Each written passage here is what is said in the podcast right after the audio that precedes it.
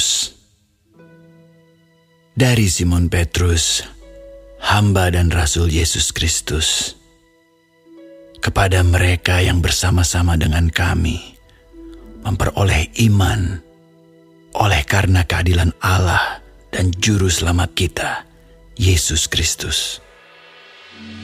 Kasih karunia dan damai sejahtera melimpahi kamu oleh pengenalan akan Allah dan akan Yesus, Tuhan kita.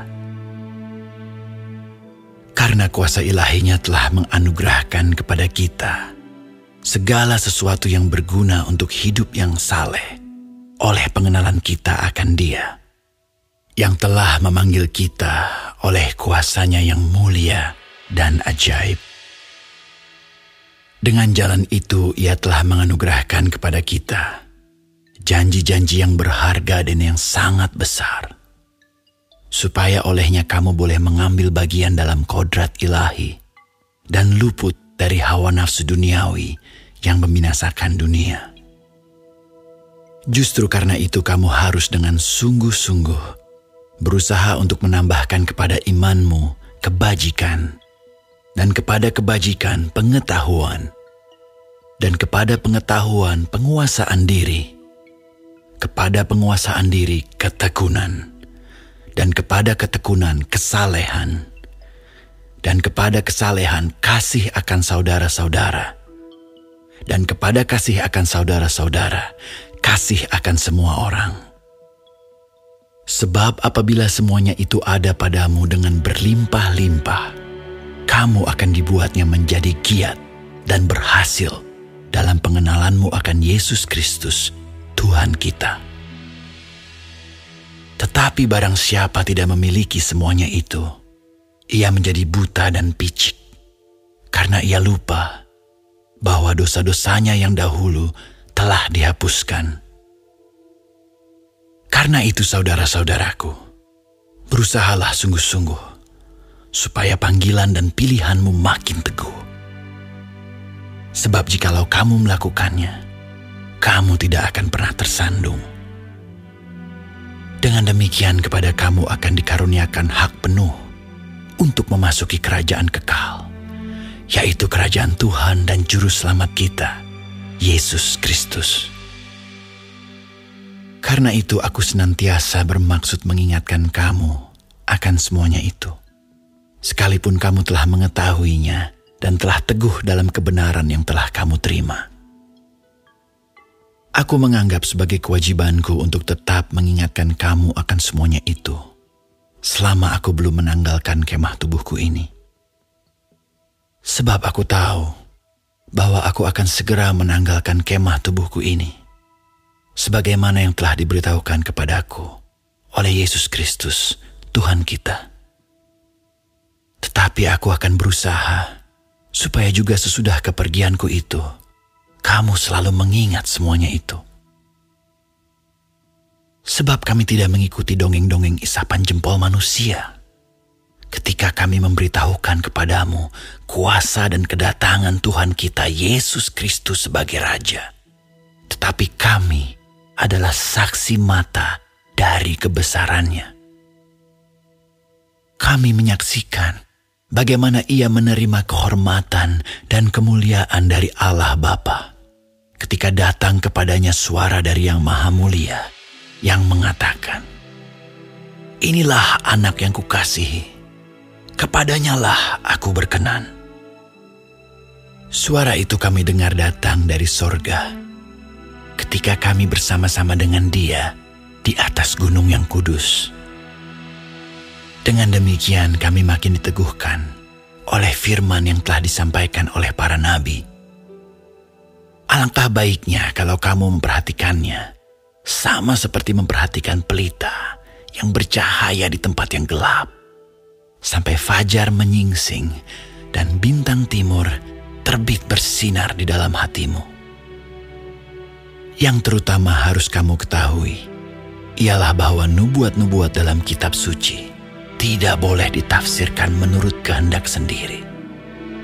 Sebab tidak pernah nubuat dihasilkan oleh kehendak manusia, tetapi oleh dorongan roh kudus, orang-orang berbicara atas nama Allah.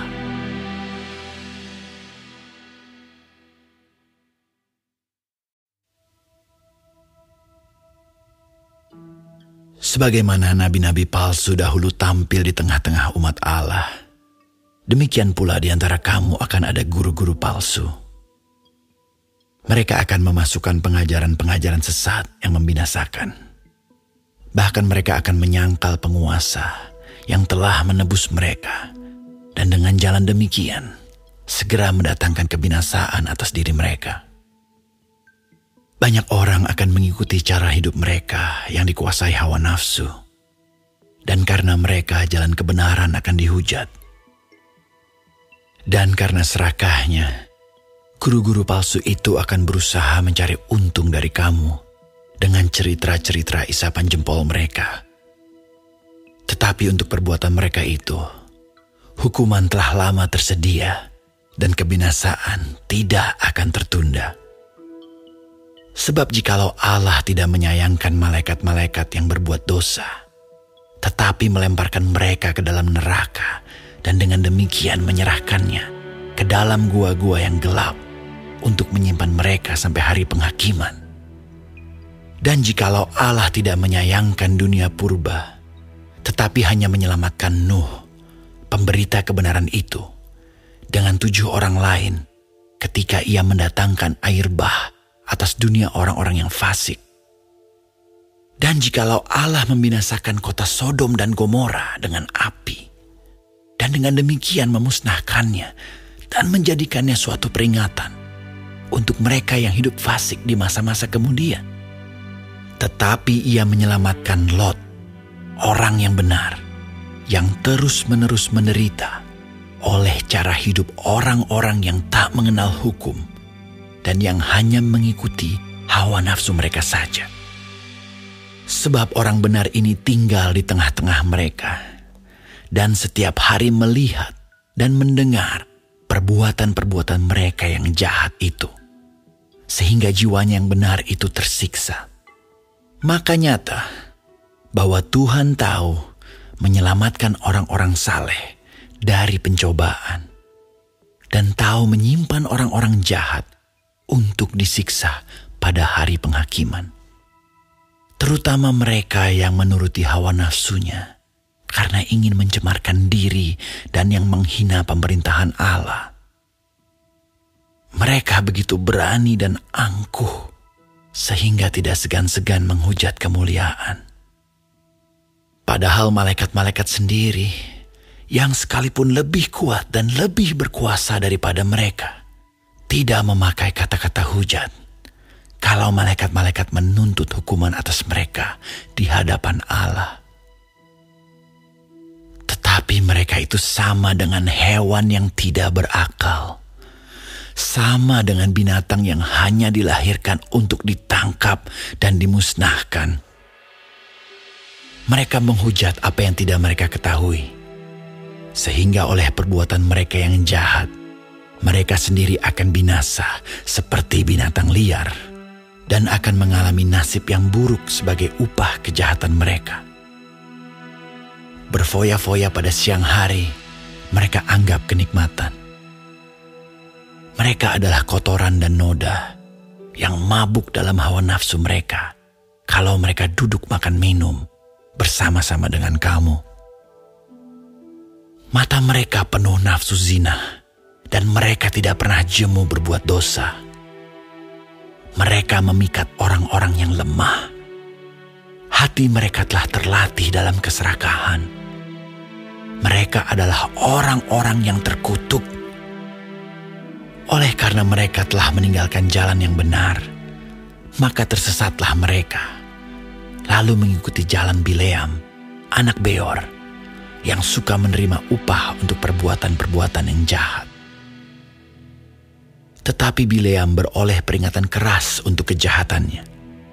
Sebab keledai beban yang bisu berbicara dengan suara manusia dan mencegah kebebalan nabi itu.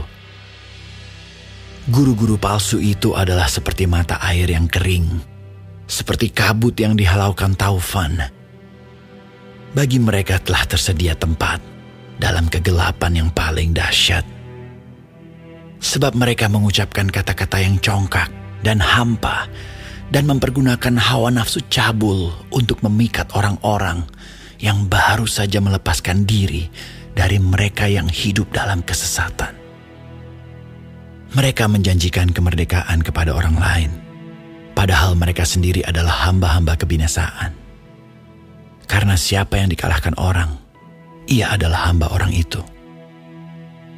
Sebab jika mereka, oleh pengenalan mereka akan Tuhan dan Juru Selamat kita, Yesus Kristus, telah melepaskan diri dari kecemaran-kecemaran dunia, tetapi terlibat lagi di dalamnya, maka akhirnya keadaan mereka lebih buruk daripada yang semula. Karena itu, bagi mereka adalah lebih baik jika mereka tidak pernah mengenal jalan kebenaran daripada mengenalnya, tetapi kemudian berbalik dari perintah kudus yang disampaikan kepada mereka. Bagi mereka cocok apa yang dikatakan peribahasa yang benar ini. Anjing kembali lagi ke muntahnya, dan babi yang mandi kembali lagi ke kubangannya.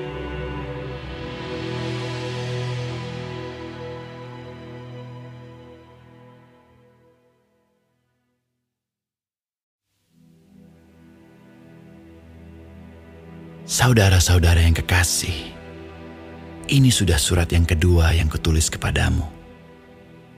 Di dalam kedua surat itu, aku berusaha menghidupkan pengertian yang murni oleh peringatan-peringatan, supaya kamu mengingat akan perkataan yang dahulu telah diucapkan oleh nabi-nabi kudus, dan mengingat akan perintah Tuhan dan Juru Selamat yang telah disampaikan oleh rasul-rasulmu kepadamu. Yang terutama harus kamu ketahui ialah bahwa pada hari-hari zaman akhir akan tampil pengejek-pengejek dengan ejekan-ejekannya, yaitu orang-orang yang hidup menuruti hawa nafsunya.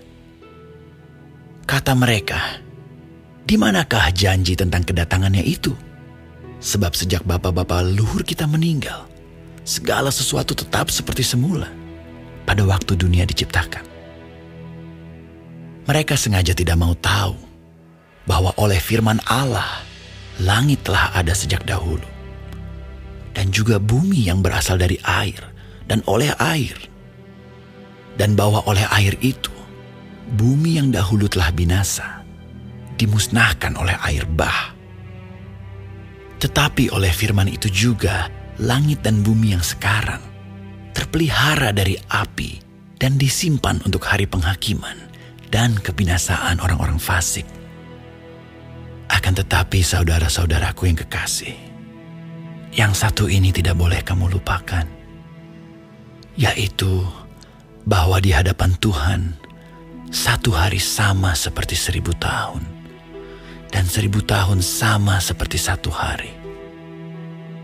Tuhan tidak lalai menepati janjinya, sekalipun ada orang yang menganggapnya sebagai kelalaian.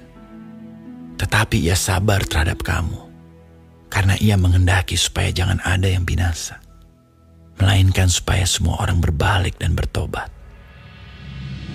Tetapi hari Tuhan akan tiba seperti pencuri. Pada hari itu langit akan lenyap dengan gemuruh yang dahsyat dan unsur-unsur dunia akan hangus dalam nyala api dan bumi dan segala yang ada di atasnya akan hilang lenyap. Jadi, jika segala sesuatu ini akan hancur secara demikian, betapa suci dan salehnya kamu harus hidup. Yaitu kamu yang menantikan dan mempercepat kedatangan hari Allah. Pada hari itu langit akan binasa dalam api, dan unsur-unsur dunia akan hancur karena nyalanya tetapi sesuai dengan janjinya, kita menantikan langit yang baru dan bumi yang baru di mana terdapat kebenaran. Sebab itu saudara-saudaraku yang kekasih, sambil menantikan semuanya ini, kamu harus berusaha supaya kamu kedapatan tak bercacat dan tak bernoda di hadapannya dalam perdamaian dengan dia Anggaplah kesabaran Tuhan kita sebagai kesempatan bagimu untuk beroleh selamat. Seperti juga Paulus, saudara kita yang kekasih, telah menulis kepadamu menurut hikmat yang dikaruniakan kepadanya. Hal itu dibuatnya dalam semua suratnya apabila ia berbicara tentang perkara-perkara ini. Dalam surat-suratnya itu ada hal-hal yang sukar difahami, sehingga orang-orang yang tidak memahaminya dan yang tidak teguh imannya memutar balikannya menjadi kebinasaan mereka sendiri, sama seperti yang juga mereka buat dengan tulisan-tulisan yang lain. Tetapi kamu, saudara-saudaraku yang kekasih, kamu telah mengetahui hal ini sebelumnya. Karena itu waspadalah, supaya kamu jangan terseret ke dalam kesesatan orang-orang yang tak mengenal hukum, dan jangan kehilangan peganganmu yang teguh tetapi bertumbuhlah dalam kasih karunia dan dalam pengenalan akan Tuhan dan Juru Selamat kita, Yesus Kristus. Baginya kemuliaan sekarang dan sampai selama-lamanya.